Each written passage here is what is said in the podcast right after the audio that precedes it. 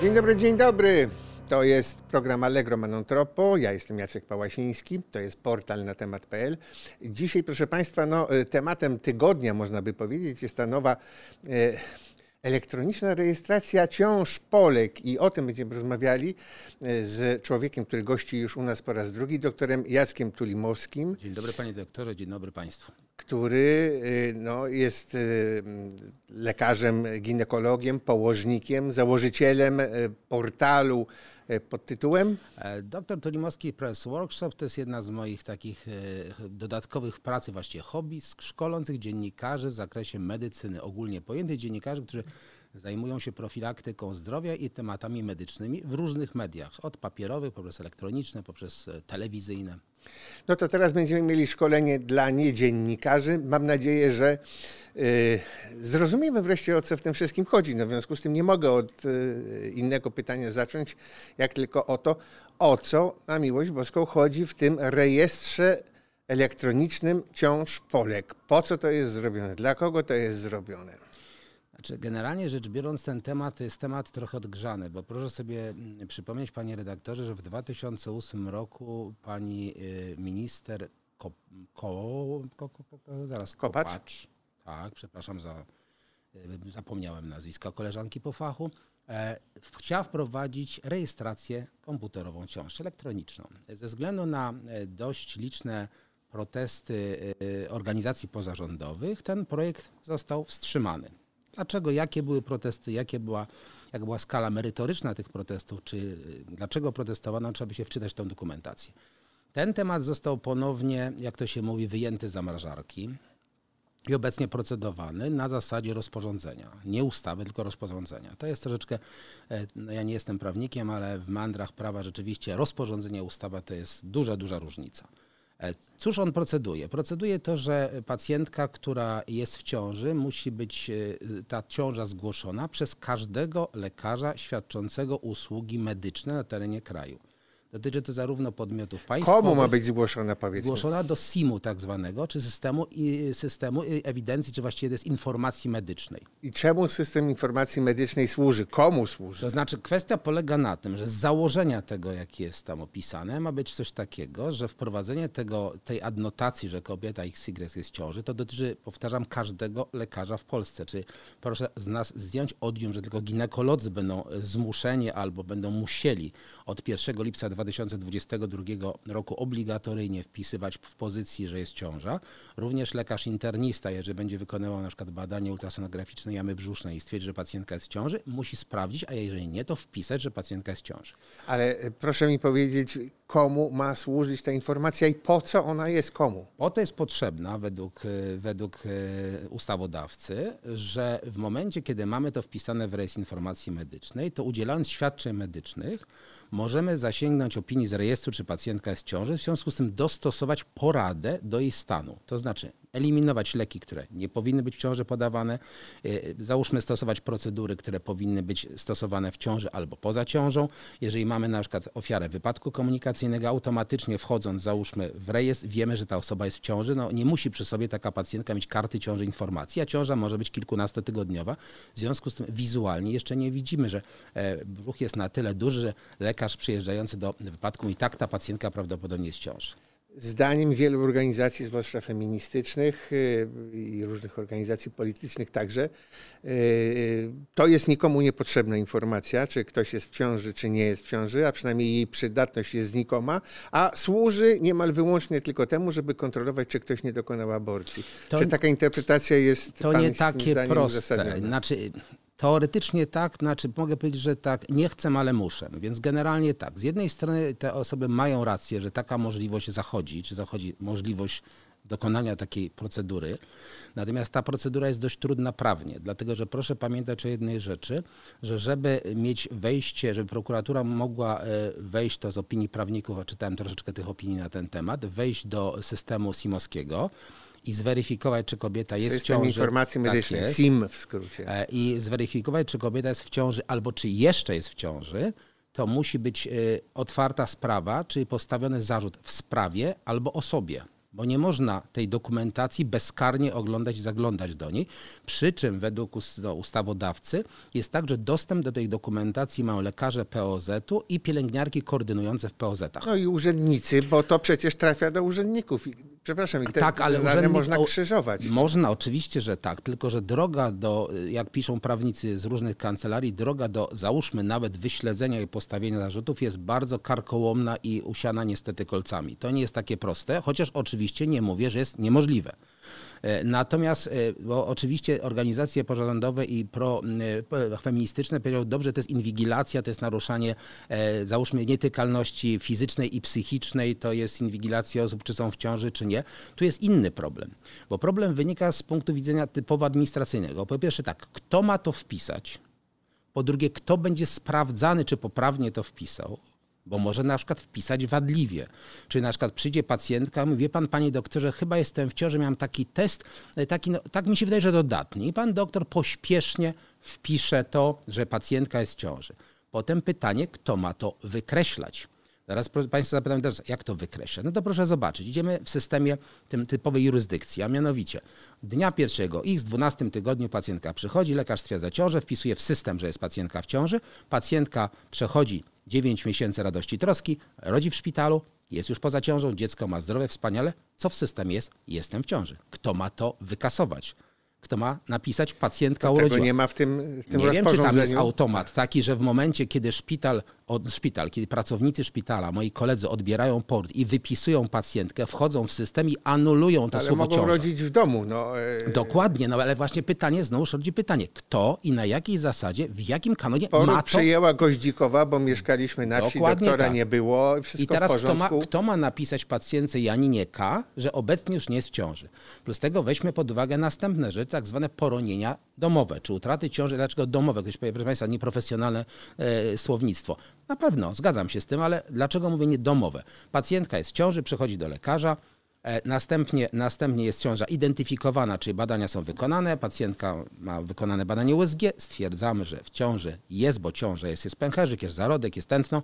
Pacjentka wraca do domu, następna wizyta załóżmy za 4 tygodnie, za 2 tygodnie. W międzyczasie w nocy obfite krwawienie, i pacjentka ciążę utraciła. I teraz możemy te pacjentki podzielić na dwie grupy. Pierwsza, która oczywiście natychmiast uda się do jednostki jakiejś służby zdrowia, prywatnego gabinetu państwowej, jednostki szpitala, a druga, która się nie uda nigdzie.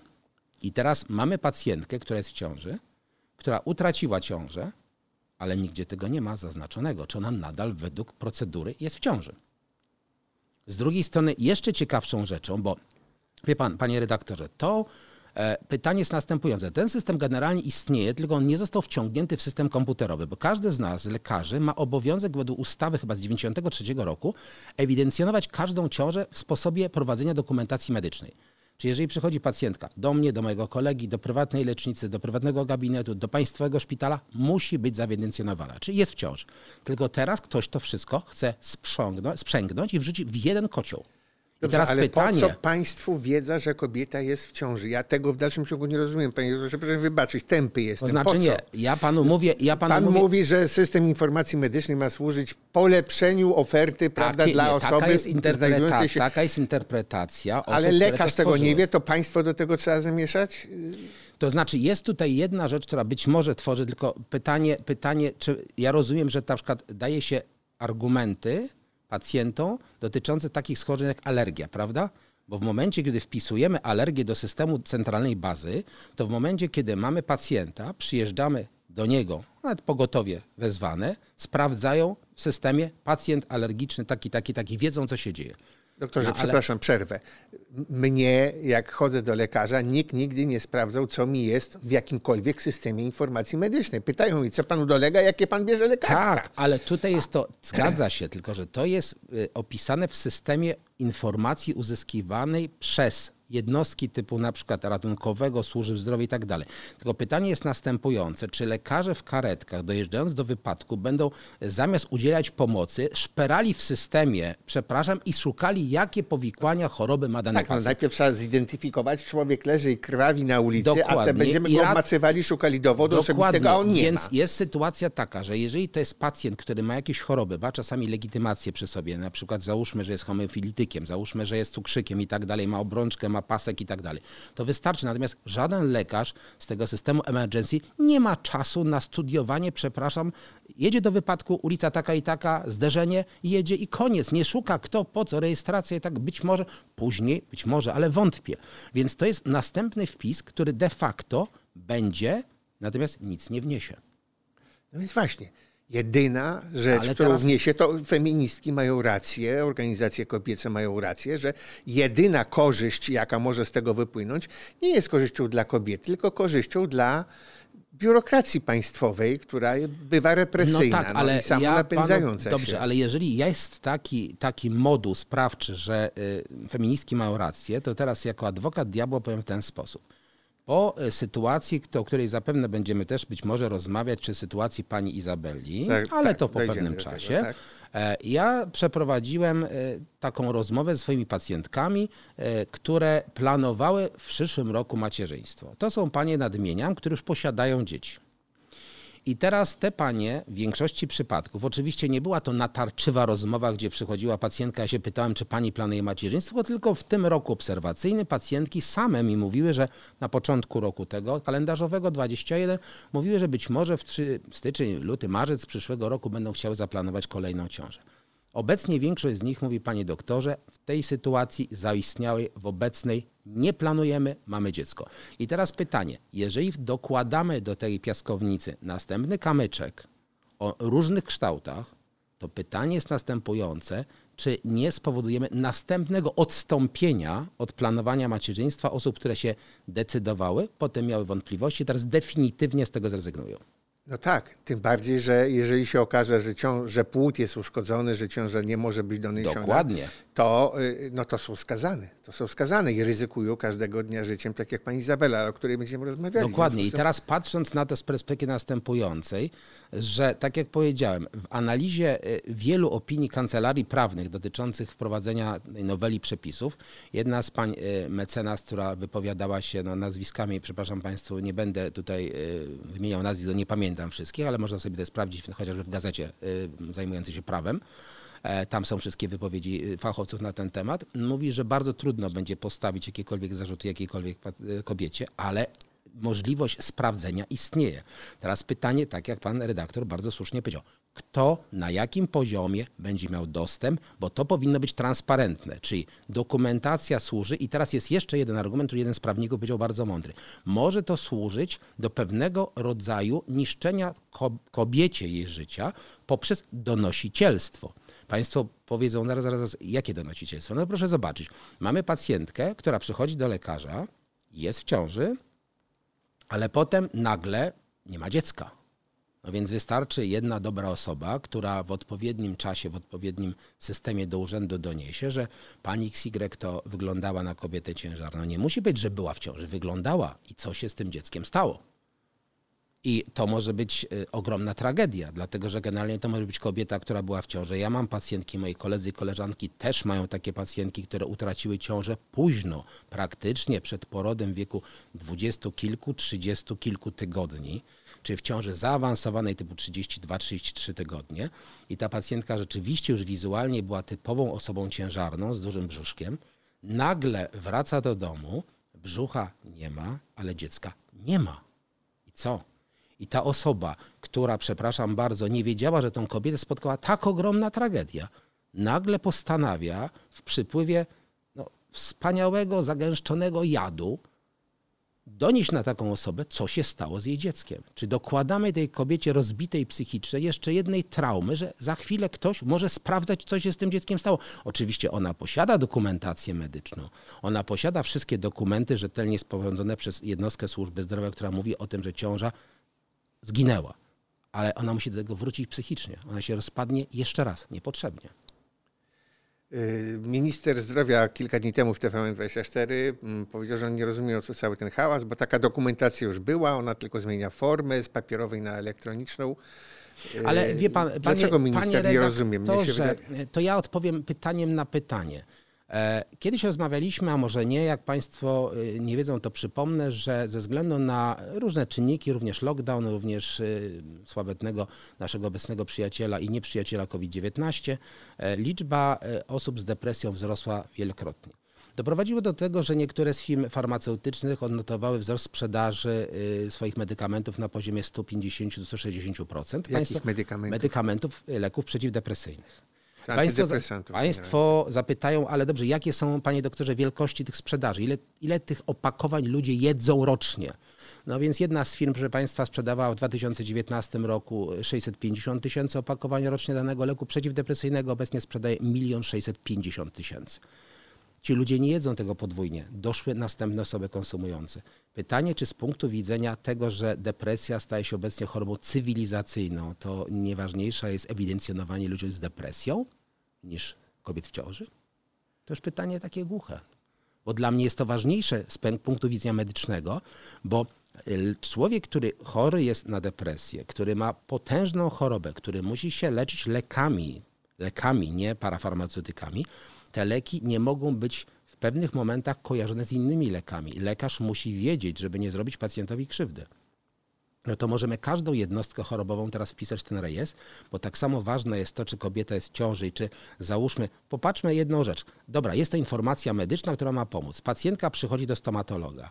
Każdy stomatolog zawsze zadaje pytanie kobiecie w wieku prokreacyjnym, czy nie jest w ciąży, bojąc się, że stosowanie leków znieczulających może spowodować powikłania ciąży. Bywa, że powodowały powikłania że poważne, włącznie z utratą ciąży. W związku z tym, obawiając się na chociażby nawet wstrząsu, lekarz pyta, robi próbę.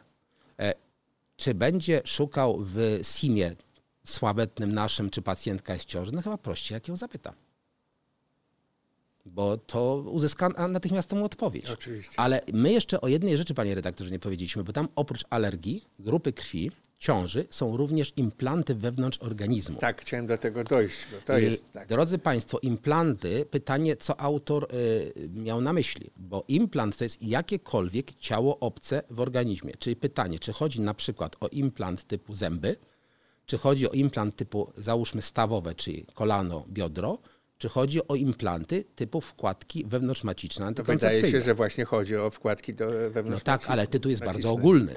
Bo to nie, nie jest napisane, że implanty ginekologiczne, implanty wewnątrzmaciczne, tylko implanty wewnątrz organizmu. I teraz pytanie jest następujące.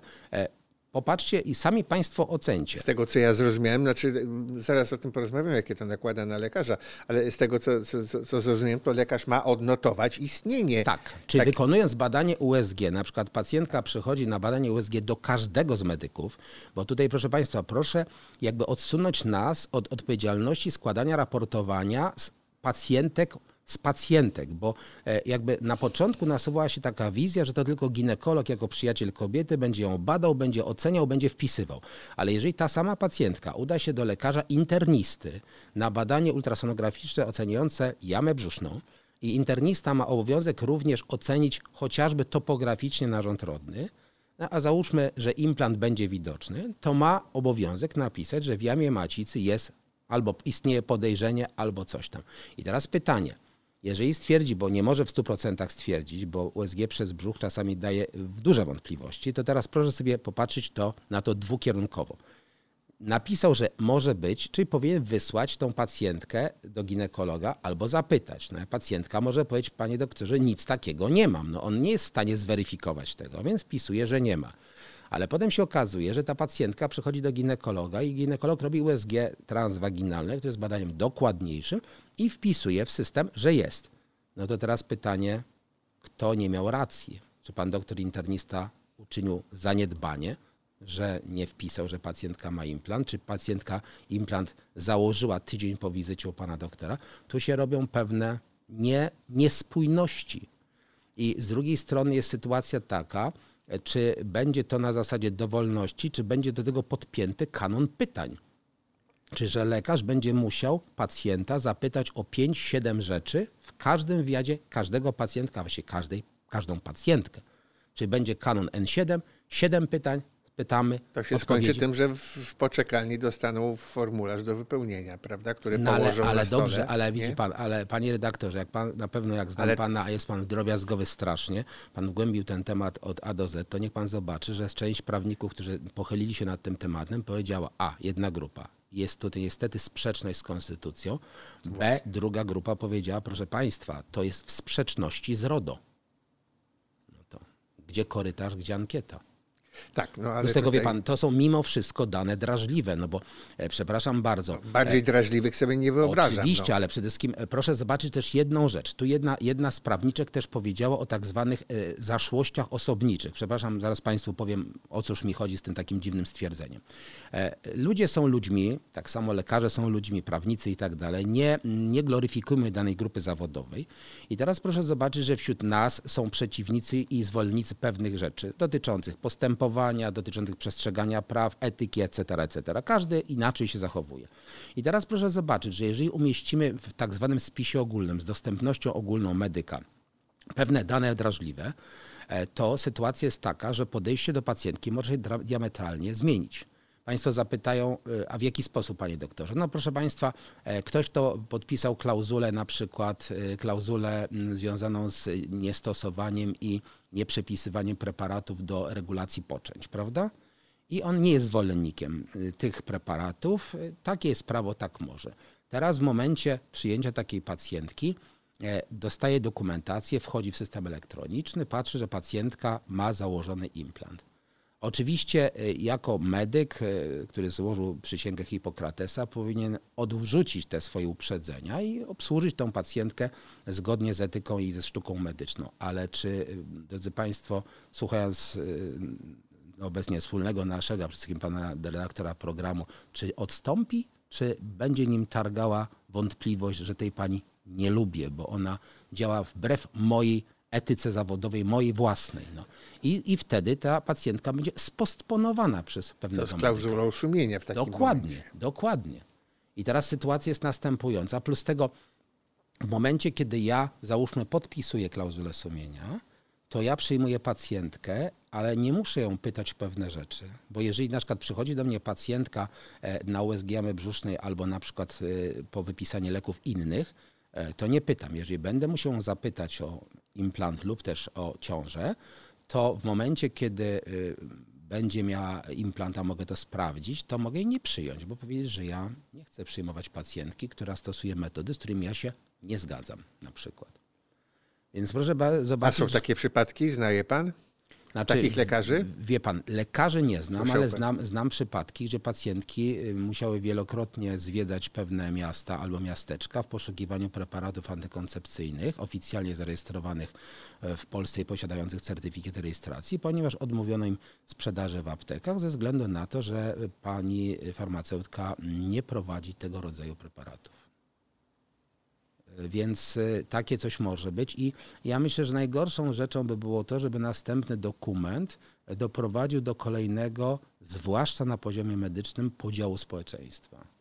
Bo y, wie pan, są, znaczy problem polega na jednej rzeczy. Ludzie lubią bardzo mieć pewne dane drażliwe w posiadaniu, ale w większości przypadków potem nie wiedzą, co z nimi zrobić.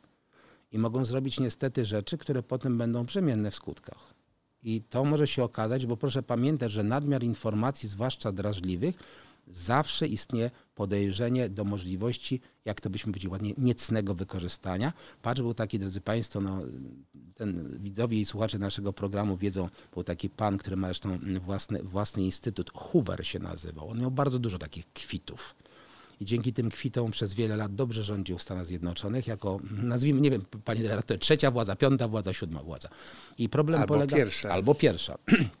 I problem polega na tym, że to będą e, naprawdę e, ciekawe rzeczy. Tutaj większość prawników, z którymi ja też rozmawiałem, mówi o tym, że bardzo ważną rzeczą, jeżeli to wejdzie, to po pierwsze, żeby zastanowić się, dlaczego to wychodzi w postaci, bo mówią powiedzieć tak, jeżeli tak, niech to wejdzie w postaci ustawy, a nie rozporządzenia. No bo to jest, to jest zmiana związana z Ale pewnym... mamy mnóstwo ustaw, które są bublami prawnymi, jaskrawymi bublami prawnymi. prawnymi. Tak, w związku zgadza z tym, się. co, co zmieni nazwa? Czy to Znaczy, będzie zmieni, rozporządzenie, trzeba czy będzie ustawa? trochę nad tym się pochylić. Z drugiej A. strony będzie czas może Kto na się tym... pochyla nad ustawami, Tak, które tylko- są w nocy seryjnie Tylko, e, panie przegłosowywane redaktorze, wie, wie pan co, jest ciekawa rzecz, bo ja e, rozmawiając z panem kilka dni temu i przeglądając sobie, rozmawiając ze swoimi znajomymi, licznymi prawnikami, przeczytałem do, dużo opinii z różnych kancelarii na ten temat, natomiast troszeczkę byłem zasmucony, bo nie znalazłem opinii w tych opiniach wielu, opinii e, organizacji pozarządowych. a bądź co bądź no, organizacje feministyczne powinny sztandarowo wyrazić swoją opinię. Nie, no chyba są. Ja w każdym no, ale, razie ale, ale nie aż tak sztandarowe. No. Nie, nie, nazwijmy to, nie są spozycjonowane na górze, mówiąc krótko, bo jak wchodzimy w dany system, coś się wyświetla, prawda? I tu jest sytuacja taka, że z drugiej strony problem polega na tym, że ja uważam, że każda rzecz, która jest związana potem z, dobro, z dobrostanem pacjentki, powinna być e, jej przekazana i polska kobieta ma prawo wiedzieć, jakie będą zalety, ale również jakie będą konsekwencje dla niej takiego ruchu prawnego. Notabene w tym rozporządzeniu kobieta nazywa się usługobiorcą, co jest... E, no byłoby zabawne, gdyby nie było e, swego dramatyczne. Czasu, swego no, czasu mówiono o kobietach, że są inkub, inkubatorami do noszenia płodu, tak. więc wie pan, no ja myślę, że, wrażenie, że ja myślę, że, że mamy nazewnictwo jest spauperyzowane co do no, bazy praktycznie e, i e, to wynika e, z braku, coraz większego braku szacunku do wszystkiego włącznie z życiem ludzkim. No i tyle. A co będzie, panie doktorze, kiedy się skrzyżuje dane na temat ciąż z danymi na temat wyjazdów zagranicznych i, Znaczy, i, i ciąże odpowiem- znikają od- i, albo nie znikają? Odpowiem taką anegdotą, a mianowicie jak analizowano profile dotyczące szpitali pod względem poronień, bo przecież proszę sobie, drodzy Państwo, wyobrazić taką sytuację. Jaki to jest procent poronienia w E, stosunku e, do ciąż? To znaczy statystycznie około kilkanaście procent, to 17-20, ale generalnie jak policzymy sobie wszystkie poronienia, zaraz powiem Państwu dlaczego wszystkie, to jest praktycznie około 40 kilku procent. Matko Boska. I teraz, ale wracając do tego, że jest bardzo dużo kobiet niestety, które e, tracą ciążę we wczesnym okresie, ale już zdążyły się e, spotkać ze swoim ginekologiem. Ta ciąża została potwierdzona, ciąża w wieku na przykład 6, 7, 8 tygodni. Potem niestety już nie będziemy tu z panem redaktorem omawiali, dlaczego ciąża się poroniła i pacjentka znalazła się w szpitalu. I teraz jeżeli szpital cieszy się dużą popularnością, w sensie jest dobrym usługodawcą, jest to dobry szpital, no, w większości, większość szpitali prowadzonych przez moich kolegów jest bardzo dobrymi szpitalami, e, to sytuacja jest taka, że tych pacjentek w tym szpitalu będzie dużo, no bo cenią sobie swoich moich kolegów i koleżanki, jeżeli chodzi o usługodawców. I teraz proszę sobie zobaczyć, jaka może być ciekawa analiza tego przypadku. Jeżeli weźmiemy suche dane liczbowe i zobaczymy, że szpital X na terenie, załóżmy, północnej Warszawy miał w ciągu roku tyle i tyle pacjentek z poronieniami, a szpital Y, ten lepszy tak zwany, miał 7 razy więcej, to proszę sobie wysnuć wniosek końcowy do tego. No ja sobie wysnuję, ale co gorsza wysnują sobie Ale jeszcze jedna rzecz, a jeżeli wysnują ktoś, sobie jeżeli któryś z moich urzędnicy kolegów miał ideologicznie nakręceni. A jeżeli któryś z moich kolegów miał takiego pecha, że na jego dyżurze zdarzały się najczęściej takie kobiety do przyjęcia przez Izbę Przyjęć, które ciąże utra utraciły, to proszę zobaczyć, z analizy już tak zwanej personalnej okaże się, że pan doktor X e, obsłużył w tym swoim czasie dyżurowania rocznego na przykład 48 pacjentek, a doktor Y tylko 4. No to coś też, coś jest, jak to mówią, na rzeczy. Więc proszę zobaczyć, pamiętajcie Państwo, że kiedyś e, to, panie redaktorze, chyba mogę tutaj się pomylić w parafrazie tego, chyba kochany, jak to nazywano go pieszczotliwie, Batiuszka Stalin powiedział, że dajcie mi człowieka, już winy jego dowiodę. Więc w związku z powyższym, czy ten slogan z Jego lat... prokurator. Tak, e, czy to nie Beria Wyszyński, może? A Wyszyński, Wyszyński. tak, nie Beria. Więc e, czy, proszę zobaczyć, czy nie wracamy do takich mrocznych czasów interpretacji? Bo e, dowcip polega na tym, że przecież ten lekarz w tym No, szpitalu... państwo się robi opresyjne, w związku z tym tego rodzaju podejrzenia są Znaczy, jak najbardziej uzasadnione, Generalnie, generalnie ja bardzo ubolewam, że z miesiąca na miesiąc i chyba moi koledzy i koleżanki też się zgodzą, nasze pacjentki e, są coraz bardziej smutne. Ja nie mówię o paniach w okresie postmenopauzy i menopauzy, chociaż one też są smutne, bo w okresie, e, nazwijmy to e, kolokwialnie, rozrodczym są ich córki. I ta masa kobiet obecnie żyje w smutku. Żyje w smutku, bo kiedyś posiadanie potomstwa, przede wszystkim każde posiadanie potomstwa było tak ogromną radością, że potrafiło przyćmić nawet te wszystkie rzeczy związane z troską, z chorobami, z powikłaniami i tak. Teraz doszło tyle niepotrzebnych stresów związanych z prowadzeniem ciąży, z wizytami, e, z konsekwencjami prawnymi e, bycia w ciąży, że kobietom to nie sprawia tyle radości, ile wiele lat temu. A propos konsekwencji prawnych, co grozi lekarzowi, który nie, nie, nie wypełni, nie doniesie, że kobieta jest w ciąży albo że ma implant? Znaczy ja się nie doszukałem tutaj yy, prawnej oceny dotyczącej konsekwencji prawnych. Czy rozporządzenie narzuca lekarzowi, a lekarz może powiedzieć, nie, mam klauzulę sumienia, która mi nie pozwala czegoś takiego. Plus tego sytuacja jest taka, że lekarz może powiedzieć, a przecież nie ma obowiązku prowadzenia ciąż, bo nie ma takiego czego, że mając tytuł ginekologa położnika musi prowadzić ciążę. Może powiedzieć, że on w swojej profesji zajmuje się na przykład ginekologią estetyczną i to jest jego główne zajęcie i źródło utrzymania i on nie będzie wpisywał ciąży, bo to nie jest jego problem, on się tym nie zajmuje. Wracając do tych poronień, y, mówił pan y, doktorze, że. Tak, dlaczego tak dużo? Dlaczego, tak, tak, dużo? dużo? Dlatego, że y, te 17-20% to są poronienia, nazwijmy to sygnowane. To znaczy pacjentka przychodzi do lekarza, lekarz stwierdza, znaczy pacjentka najpierw robi test, stwierdza, że test jest dodatni, udaje się do medyka, do położnika ginekologa, e, koleżanka lub kolega bada, stwierdza, potwierdza obecność ciąży i pacjentka udaje się do domu. W międzyczasie coś się może stać, ciąża się roni. Przyczyn jest naprawdę tak wiele, że nie czas, nie miejsce, żeby je omawiać. Natomiast mamy drugą grupę pacjentek, które po pierwsze nie wiedzą, że są w ciąży. W terminie następnej miesiączki dochodzi do bardzo obfitego krwawienia, które może być związane z poronieniem tak zwanym jednofazowym, czy zarodek się poronił jednoczasowo z wszystkimi elementami otaczającymi zarodek, już mówiąc tak nie, nie medycznie, i kobieta potraktowała to jako bardzo obfitą miesiączkę, zwłaszcza panie, które mają załóżmy 35, plus, więc miały czasami obfite krwawienia, zlekceważyły. Czy one się udadzą do lekarza, czy wykonają test ciążowy, żeby sprawdzić, czy to autentycznie nie była to ciąża wczesna i poronia? W większości nie. Mamy również pacjentki, które wiedzą, że są w ciąży, bo wykonały test, natomiast nie udają się do lekarza i tak samo obficie zakrwawiły i udały się do lekarza już po krwotoku nie mówiąc lekarzowi, że test był dodatni. W związku z tym, załóżmy tydzień po krwotoku, lekarz stwierdza pustą jamę macicy, brak obecności ciąży. Jeżeli pacjentka nie powiedziała o tym, ale to krwawienie było w terminie miesiączki, to nie musi być koniecznością weryfikacja e, markerowa, czy w tym wypadku markeru typu e, HCG czy chorągadotropiny jednostki beta e, i pacjentka wraca do domu wiedząc o tym, że wszystko jest w porządku, ciąża niestety się utraciła, czy tego nigdzie nie ewidencjonujemy. I tych przypadków praktycznie no, starzy położnicy zawsze mówili, że y, praktycznie co druga kobieta w swoim życiu, która no, chciała zajść w ciążę, planowała macierzyństwo, mogła mieć y, niestety styczność z poronieniem. To jest bardzo przykre. A oczywiście część z nich do tej pory może o tym w ogóle nie wiedzieć.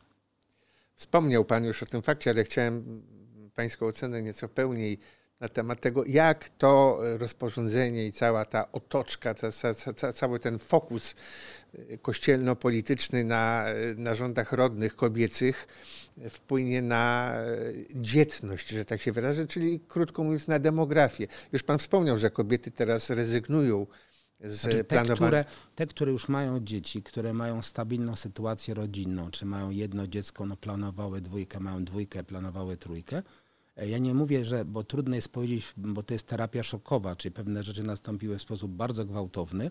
I drodzy Państwo, wiecie Państwo, że w przypadku takiego czegoś jest pewna blokada psychiczna, potem jest dopiero jakby spowolnienie systemu myślenia, ocena sytuacji, wracamy do tematu. Więc zobaczymy, jak będzie za jakiś czas, na przykład za kilka miesięcy. Ale na dzień dzisiejszy większość pacjentek zapytanych, tych, które chciały planować macierzyństwo w przyszłym roku, powiedziało, Panie doktorze, na razie wstrzymuję się, na razie się zastanowię, na razie poczekam. A niech mi pan powie, pan przecież przyjmuje wiele pacjentek i ma też kontakt ze środowiskiem generalnie. Jak to wygląda u pana w gabinecie?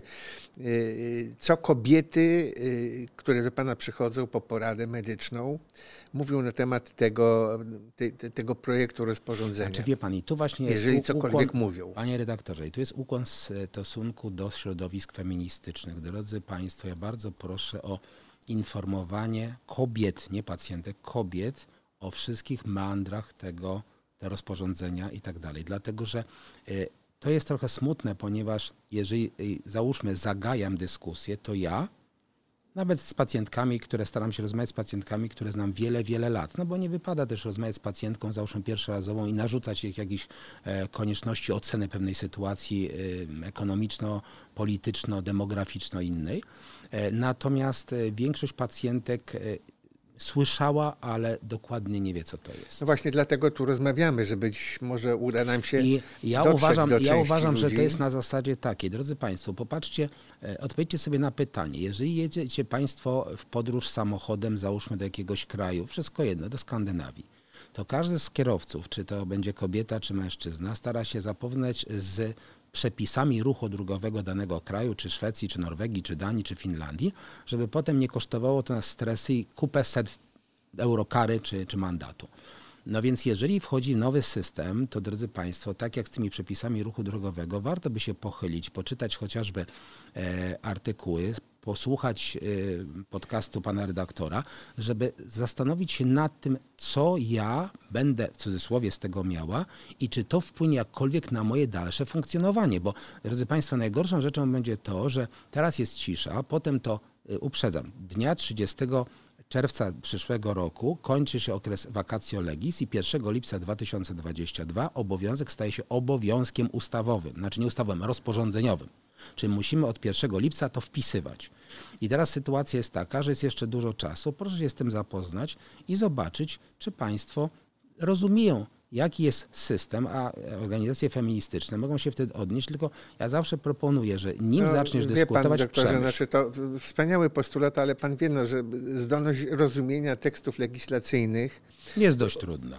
To y, prawda. jest niska, niska. Tak. Ja sam muszę poświęcać wiele czasu, żeby rozgryźć tę nową, nową mowę prawniczą, która, y, która wydaje mi się ciemna i zawiła. Kto będzie się To chciał jest w prawda, to... panie redaktorze, ale jeżeli mamy środowiska y, moich y, i koleżanek też, które działają w środowiskach feministycznych i tam są prawnicy, bo wiem, że są, to mogą, to jak to mówią młodzi ludzie, rozkminić tę ustawę na tyle, żeby podać e, swoim, No właśnie. swoim e, nazwijmy to członkinią e, tego klubu czy fundacji, e, tą ustawę w sposób, nazwijmy to, dobry do spożycia. Ja widzę nawet w bardzo przyzwoitych, szacownych mediach polskich prawda, chaos informacyjny Tak jest. związany Tak z całą tą ustawą. W związku z tym, żeby ten chaos, panie doktorze, troszeczkę zmniejszyć, to ja pana pytam, żeby pan ocenił jednoznacznie w krótkich, żołnierskich słowach, czy projekt tego rozporządzenia jest dobry dla Polek, czy jest zły dla Polek.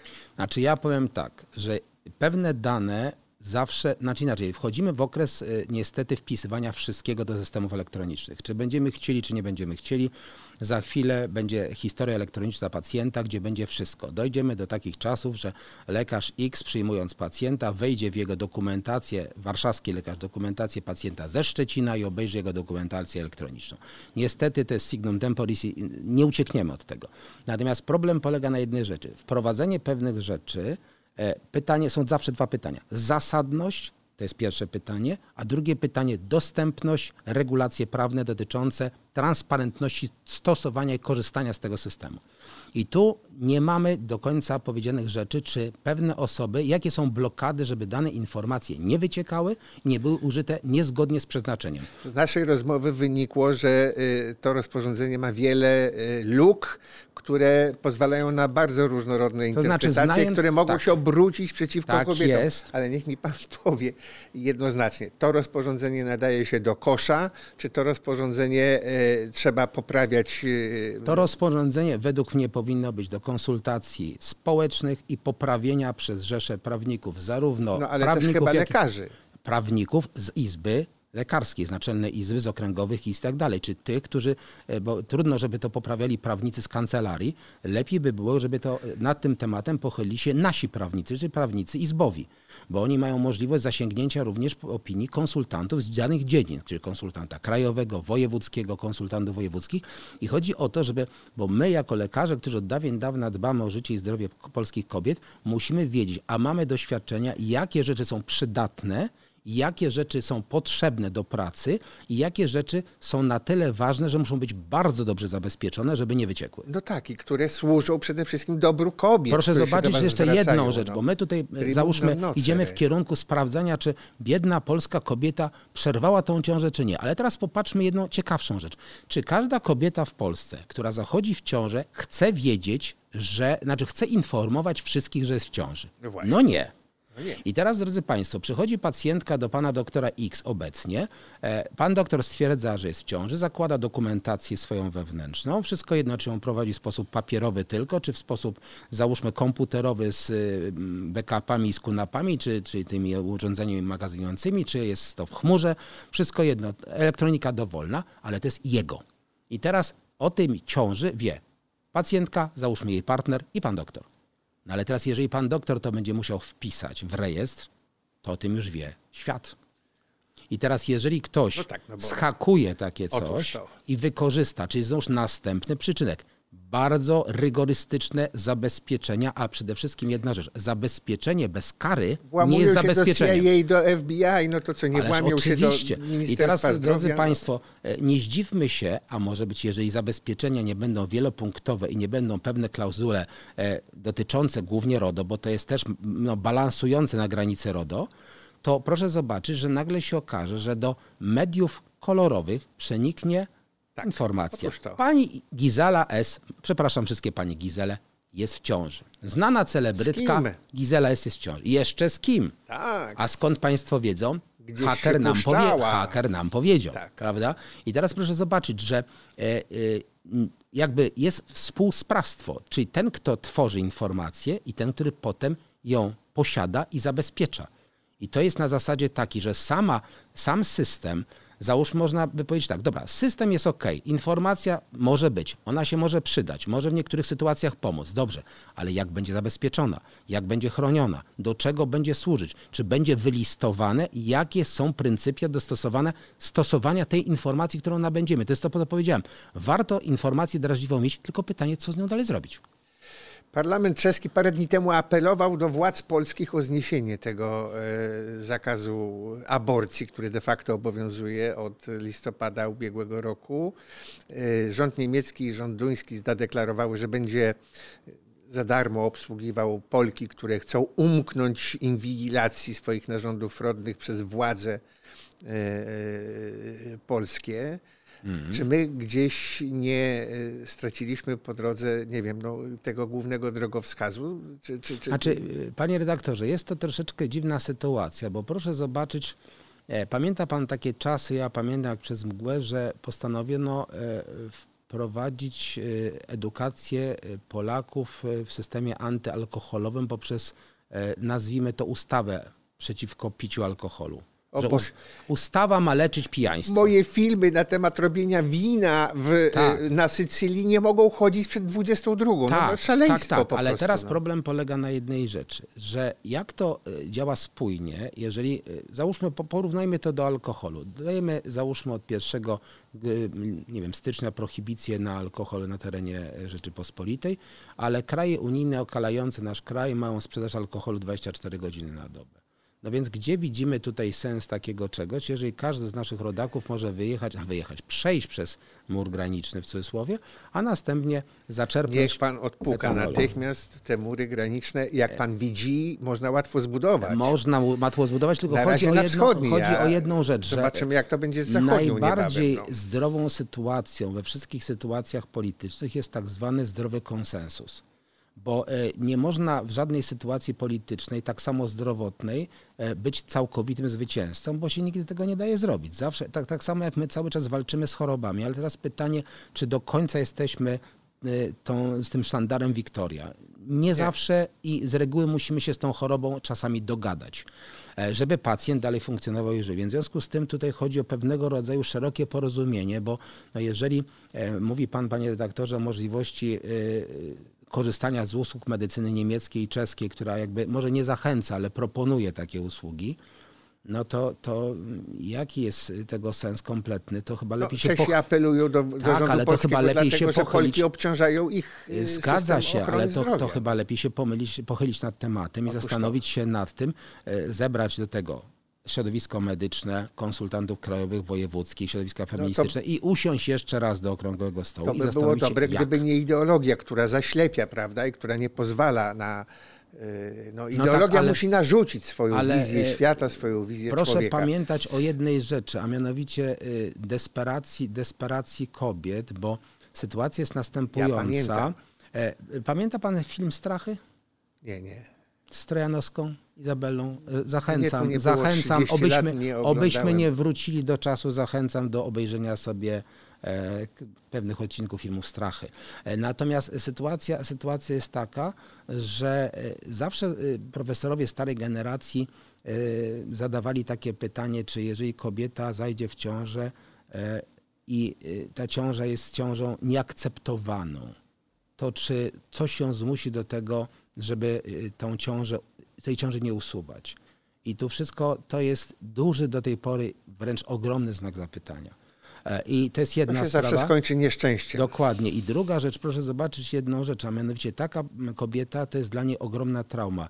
Ja bym bardzo prosił, żeby takich pacjentek, które e, dokonały aborcji, nie postponować do końca życia, bo to e, ja, ja nie, znaczy ja rozmawiałem z takimi pacjentkami jeszcze w zamierzchłych czasach jako młody student, bo pamiętam wtedy, że te zabiegi były dozwolone według prawa, więc myśmy musieli jako studenci kończący właściwie Akademię Medyczną rozmawiać z pacjentkami, sporządzić wywiad środowiskowy, taki, taki, siaki. I proszę mi uwierzyć, drodzy Państwo, nie spotkałem się z pacjentką, która e, przyszła e, na zasadzie wykonania zabiegu instrumentalnie, no bo, bo akurat ona jest w ciąży i sobie tej ciąży nie życzy. To jest ogromna trauma, czasami skutkująca tym, że wykonanie takiej takiego zabiegu w pierwszej ciąży skutkuje tym, że następnej ciąży nigdy już nie będzie. Nie z przyczyn anatomicznych, fizjologicznych, ale z przyczyn chociażby psychicznych, blokady psychicznej. I tu jest jedna rzecz, że proszę zobaczyć, że ten lęk przed tymi, e, tymi badaniami, na przykład proszę zobaczyć jeszcze jedną rzecz. Pan pytał, co się dzieje z ciążami. E, nie wiem jak u moich kolegów, ale zainteresowanie badaniami e, prenatalnymi obecnie wzrasta wzrasta, bo to jest jeden, jedyny ruch, ale tymi bardzo skomplikowanymi badaniami, bo oczywiście jak Państwo wiedzą i nasi, nasi, nasi słuchacze i słuchaczki, że testów jest X, takim testem bardzo popularnym, który większość pań, które była w ciąży zna lub wykonywała, to jest test PAPA, to jest ogólnie znany. Teraz są testy genetyczne. Testy genetyczne umożliwiają pobranie krwi matki po 10 tygodniu. Dlaczego? Bo we krwi matki po 10 tygodniu są fragmenty DNA płodu lub płodu, bo już mamy takie testy, które są w stanie ocenić genetycznie ciążę bliźniaczą. I w momencie pobrania tej krwi w odpowiednim tygodniu, patrz tydzień 10 plus, jesteśmy w stanie ocenić bardzo dużo mutacji, czy chromosomu no tak. 13, 18, 21, mozaicyzmu e, i tak dalej, i tak dalej. I no, tylko lepiej więcej... robić to za granicą niż w Polsce. No tak, tylko, Polsce tylko to... drodzy Państwo, tu jest następna rzecz. Oczywiście proszę traktować te moje słowa nie jako prorocze, ale jako słowa z obawą i lękiem, bo te testy są bardzo drogie i one są wykonywane tylko przez wyspecjalizowane jednostki służby zdrowia, czyli laboratoria, duże prywatne gabinety. E, pytanie, czy nie będzie konieczności ewidencji tych testów. A dlaczego? No bo proszę Państwa, e, Państwo zapytał, a jaki jest sens tego? No to drodzy Państwo, jak test jest pozytywny dla pacjentki, to jest fajnie, a jak jest negatywny? Czy dziecko jest uszkodzone? No to ja już nie kończę tego zdania. Po co ewidencja tego testu? Doktorze, musimy pędzić do przodu. No, pędźmy, pędźmy. Y, co to jest? Y, w Sejmie y, trwała awantura. Polski Instytut Rodziny i Demografii Wie pan coś, co to jest, z czym to się je, pod jakiego diabła to zostało powołane do życia, Nic żeby było prezes, żeby był prezes, trzech zastępców, dyrektorzy departamentów. Znaczy ja bym się zapytał, jaki jest cel i jakie, jakie usługi będzie świadczyć owa instytucja dla Polki i dla rodziny Polki, no bo to jest dla mnie najważniejsza rzecz, bo jeżeli ktoś powołuje jakąkolwiek komórkę społeczną, no to pytanie jest następujące, jakie ta komórka będzie spełniała oczekiwania i jak będzie świadczyła usługi na jakim poziomie i czy te usługi są obecnie konieczne, czyli z reguły jak coś powstaje, to mamy deficyt danych usług na terenie danego kraju czy jednostki i tworzymy coś, co te usługi ma nam zaspokoić. No więc Instytut pytanie. Rodziny i Demografii. No nie, ja, ja sobie, przepraszam, moja, moja wyobraźnia nie znaczy, tak nazwę, daleka, żeby... Nazwę za, zakonotowałem w głowie, pytanie nadal, Dziwi czemu się, ma się służyć? nazywa Polski Instytut, a nie Narodowy Instytut, bo tak się powinien chyba nazywać. Nie wiem, to, to jakieś szaleństwo. Dobrze, przechodźmy dalej rozmawialiśmy wkrótce po tym nieszczęściu, które przydarzyło się w Pszczynie i wtedy pan doktor proroczo powiedział, y, zobaczy pan, że to będzie wszystko wina lekarzy.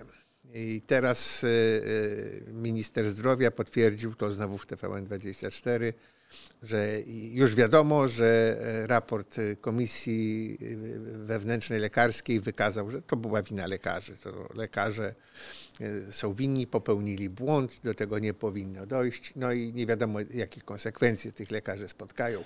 A tymczasem w większości organizacji pozarządowych, w tym organizacji feministycznych, jest przekonana, że to być może była współwina lekarzy, ale generalnie rzecz biorąc, że winna temu jest atmosfera, jaka powstała po tym e, niesławnym, mhm. niektórzy powiedzieliby zapewne haniebnym wyroku Trybunału Magister Przyłębskiej.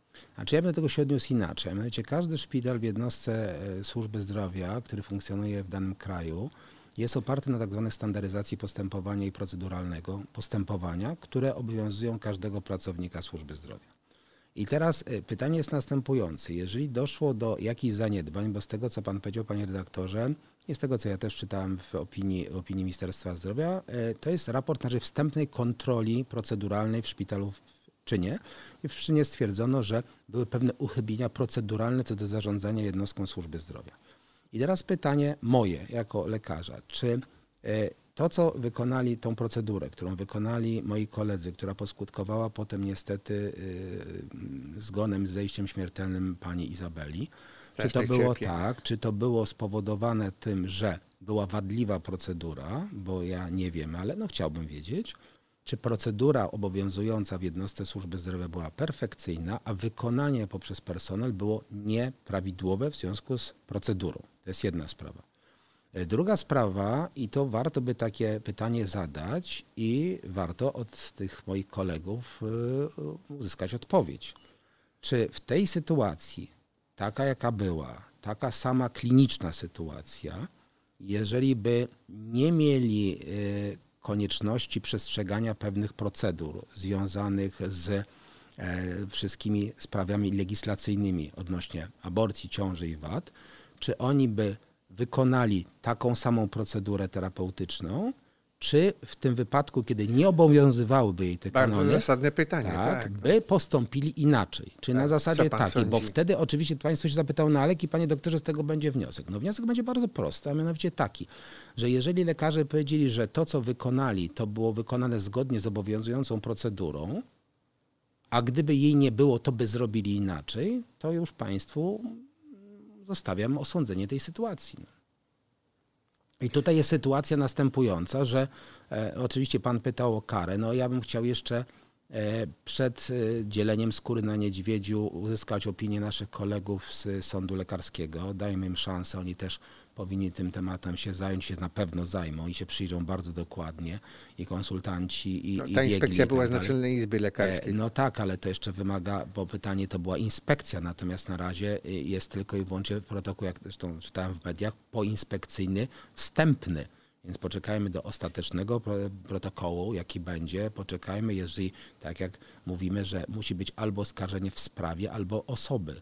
No na razie nie mamy nic, mamy tylko protokół kontrolny.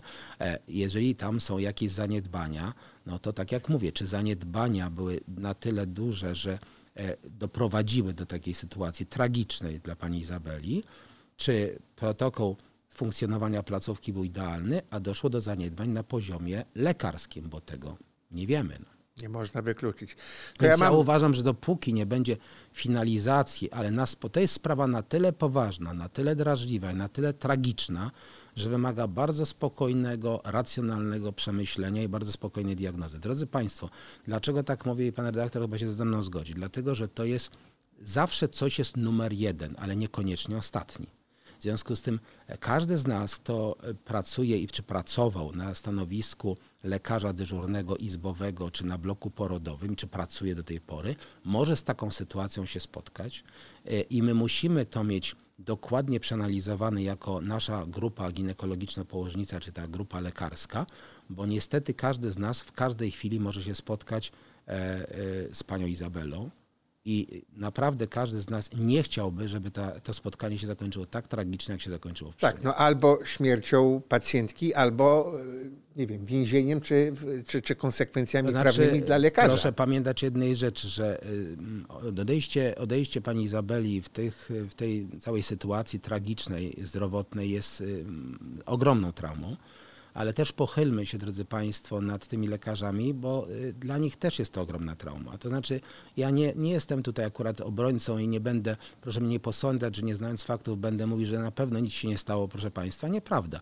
Natomiast proszę zawsze wziąć pod uwagę obydwie strony tego, tej całej tragicznej sytuacji. E, niestety pani Izabeli y, to zdrowia i przede wszystkim życia już nie wróci. Natomiast chodzi o to, żeby na spokojnie, bez awantur, wysnuć jakieś konstruktywne wnioski z zaistniałej sytuacji, żeby ta sytuacja się naprawdę już nie powtórzyła, bo jeżeli za pół roku będzie gdzie indziej pani Izabella druga i będzie podobna sytuacja, a zdarzyć się może, bo bezwodzie może się zdarzyć i zdarza się i dziecko chore z uszkodzeniami genetycznymi też się może zdarzyć. A może się zdarzyć znowu sytuacja uszkodzonego dziecka z bezwodziem. I w związku z powyższym warto by wypracować taki konsensus wspólny, protokolarny postępowania, żeby ci lekarze izbowi, ci lekarze na oddziałach wiedzieli, jak postępować. Czy może jest zasadne wtedy A. E, telefon do ordynatora, B. Jeżeli jest to mało prawdopodobne, że ordynator zajmie stanowisko, być może powinna być wtedy przy takich sytuacjach bardzo skomplikowanych gorąca linia z konsultantem wojewódzkim, krajowym, żeby podjęto decyzję wiążącą. Ale czy lekarz ma lecieć do telefonu, jak tutaj kobieta cierpi i jest kwestia tego, czy za, będzie no, miała sepsę no, za 5 dla, minut, no czy za 15? Chodzi, więc kwestia polega na tym, że muszą być protokoły, musi być i tutaj jeszcze rozgraniczmy jedną rzecz. Jedna z moich koleżanek powiedziała w ten sposób. Medycyna jest sztuką, kiedyś taką była zresztą, i musimy odpowiedzieć sobie na pytanie, powiedziała moja koleżanka, czy lekarz idzie w kierunku bycia e, lekarzem i artystą, czy w kierunku bycia urzędnikiem? No, Bo e, generalnie rzecz biorąc, jeżeli mu się pomylą te kierunki, to nigdy nie będzie to z y, brakiem szkód dla pacjenta. No ale jeśli państwo stwarza mu konieczność bycia urzędnikiem, no to będzie urzędnikiem. No, państwo no ale... go zmusza do tego, żeby zajmował się biurokracją, żeby połowę jego czasu zamiast na leczenie pacjentów spędzał tak, na no wbijanie tak, ale, do komputera. Zgadza się, ale czy wypisanie. Dajmy, panie redaktorze, dajmy czas naszym organizacjom, chociażby ginekologiczno-położniczym, żeby nad tym tematem się pochyliły i żeby w tej sytuacji, która no, niestety się zdarzyła, zajęły stanowisko, bo wiadomo, że trzeba wypracować procedury takie, które spowodują znamienite uniknięcie takiej sytuacji. Ja nie mogę powiedzieć, że w 100% będzie zawsze dobrze, ale nie może takie coś mieć miejsca. Musimy, bo jak pan sam zresztą w czasie naszej rozmowy telefonicznej powiedział, że okazało się, że winni są lekarze, bo powinni ratować życie pacjentki, bo tak w tych przekazach jest napisane, że, że przecież nie było możliwości niewykonania tego zabiegu i tak dalej, i tak dalej. Ale teraz pytanie, drodzy Państwo, proszę się poczuć w takiej sytuacji, z jednej strony lekarskiej, proszę się trochę wczuć tych moich kolegów, z jednej strony mamy konieczność ratowania życia, albo żyć no w tym wypadku, bo czasami się zdarza, że ratujemy obydwoje dziecko i matkę. E, profesor Troszczyński, kiedyś znany ginekolog, nasz nauczyciel świętej pamięci zawsze mówi, że w XXI wieku nie powinno się zdarzyć, żeby e, kobieta ciężarna zmarła że jest technologia na tyle wielka, że może dziecko, może dziecko stracić czasami życie, ale matka powinna zawsze być obronną ręką. No tutaj niestety mieliśmy tragedię podwójną. Mnie się wydaje, że tutaj przeszło ratowanie płodu za wszelką cenę, a kobieta jest zupełnie na drugim e, planie. Tak jest, ale teraz chodzi o jedną rzecz, a mianowicie taką, że nie może być sytuacji, żeby tak jak Pan powiedział w wcześniejszej fazie tej rozmowy, że w czasie procedury ratowania życia, kiedy nie myślimy o innych rzeczach, tylko ratujemy życie, zastanawiać się nad tym, żeby odpuścić sobie procedury medyczne, zastanawiać się, czy to, co ja robię, będzie skutkowało jakimiśkolwiek konsekwencjami dla mnie, dla rodziny, dla czegokolwiek związanego z moją osobą, nie z zawodem, z moją osobą. No nie może być wybierania, ja nie zrobię, bo jak zrobię, to ja zostanę oskarżony. Tak, albo obetną mi premię, wystarczy tyle, a mam no, plany no, dla... Dostanę, dostanę uwagę, wpis do akt, nagane, tak. cokolwiek innego, zostanę relegowany z pracy, kazał mi odejść z pracy i tak dalej. Wie, wiecie Państwo, no, nie jest to fajna praca i ja naprawdę pochylam się z wielkim smutkiem nad moimi kolegami młodszych roczników i pokoleń, bo e, przychodzi im pracować w bardzo trudnych czasach, bardzo trudnych no czasach. Właśnie, niech Pan powie, Panie Doktorze, na zakończenie, Czym się różni pańska praca e, i pańskich kolegów e, obecnie w porównaniu do tego, co było powiedzmy sobie 10 lat temu? Czy pan czuje w swojej pracy większy komfort, czy mniejszy komfort? Pan i koledzy? Znaczy, Jak to wygląda z punktu widzenia lekarza? Czy wie pan, jest, jesteśmy otoczeni... Ofensywa legislacyjna jakoś wpływa na waszą tak. pracę i na waszą psychikę też. Znaczy, zacznijmy od tego, że wiele, wiele lat temu, jak państwo pamiętają, zostały powołane kasy chorych.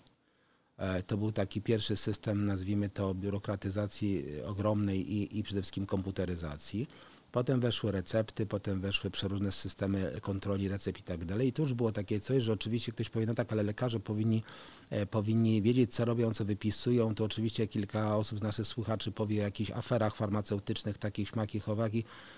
Proszę sobie dokładnie poczytać o wyrokach e, obecnie sądów dotyczących afer i kto się w te afery naprawdę wplątał, bo jest to dostępne w sieci.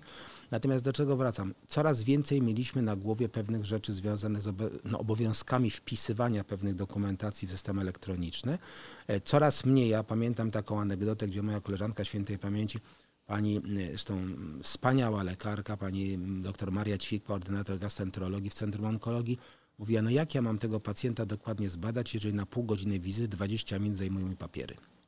No właśnie. Papiery, komputery, drukarki, recepty e, i tak dalej, i tak dalej, i tak dalej.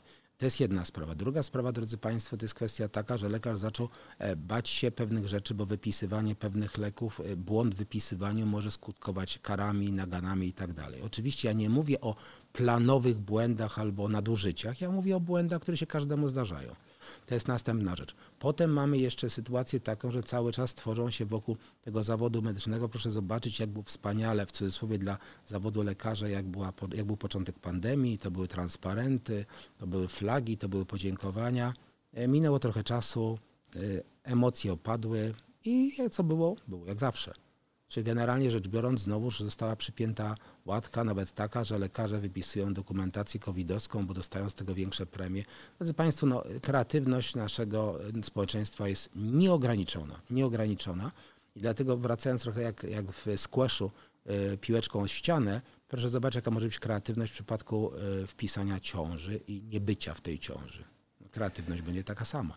Natomiast y, praca jest trudniejsza, jest więcej dokumentacji, więcej sprawdzań, więcej różnych rzeczy. Przecież proszę zobaczyć, kiedyś historia choroby składała się, drodzy Państwo, pamiętają Państwo, imię, nazwisko, adres, prawda, no potem, potem był PESEL jeszcze potrzebny, miejsce pracy, e, e, kasa chorych, jak kiedyś taka była i to tyle. Teraz ja mam stronę tytułową raz, stronę rodowską dwa, stronę covidowską trzy, a potem dopiero podcho- podchodzę, przepraszam bardzo, do pacjenta jako pacjenta. Czy dokumentacji mamy bardzo dużo, ale pytanie jest następujące, co z tego wynika? Czy to nam przynosi ulgę w pracy? Czy my możemy dzięki temu pracować efektywniej? No chyba niekoniecznie, bo lekarze są zmęczeni, wypełniają dokumentację poświęcają mniej e, czasu pacjentowi. Z drugiej strony pacjent ma dostęp do makabrycznej ilości przekazów medycznych, niefiltrowanych, nieautoryzowanych. I drodzy Państwo, to chyba koledzy się ze mną zgodzą, że częściowo nasze wizyty poświęcone są wyprostowaniu pewnych zaszłości niestety umysłowych u pacjentów, którzy e, wdrukowali sobie w głowie pewien schemat choroby oparty na przekazach babci goździkowej.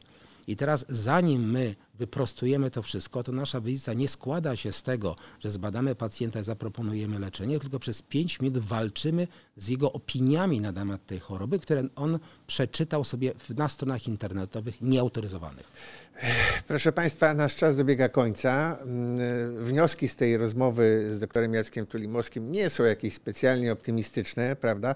Ale miejmy nadzieję, że przynajmniej dostarczyliśmy, dostarczył doktor, e, wiedzy jakiejś takiej Uporządkowaliśmy trochę wiedzę na temat tych projektów e, rządowych czy też e, partyjnych, e, które w tej chwili no, pogarszają życie Polek najprawdopodobniej, no i pogarszają, jak wynika z wypowiedzi doktora, również e, życie lekarzy. W związku z tym rzeczywiście, e, niezależnie od tego, kto będzie rządził, z jakich pobudek będzie rządził, to konsultacje społeczne są naprawdę rzeczą absolutnie kluczową, no zwłaszcza w tak delikatnej materii, jaką jest ochrona życia i zdrowia obywateli. Panie doktorze, bardzo Ja, serdecznie panie redaktorze, na dziękuję. koniec bym chciał powiedzieć tylko jedno krótkie hasło. Drodzy Państwo, proszę sobie przypomnieć, zwłaszcza moje najkochańsze pacjentki, nic o Was bez Was. Otóż to.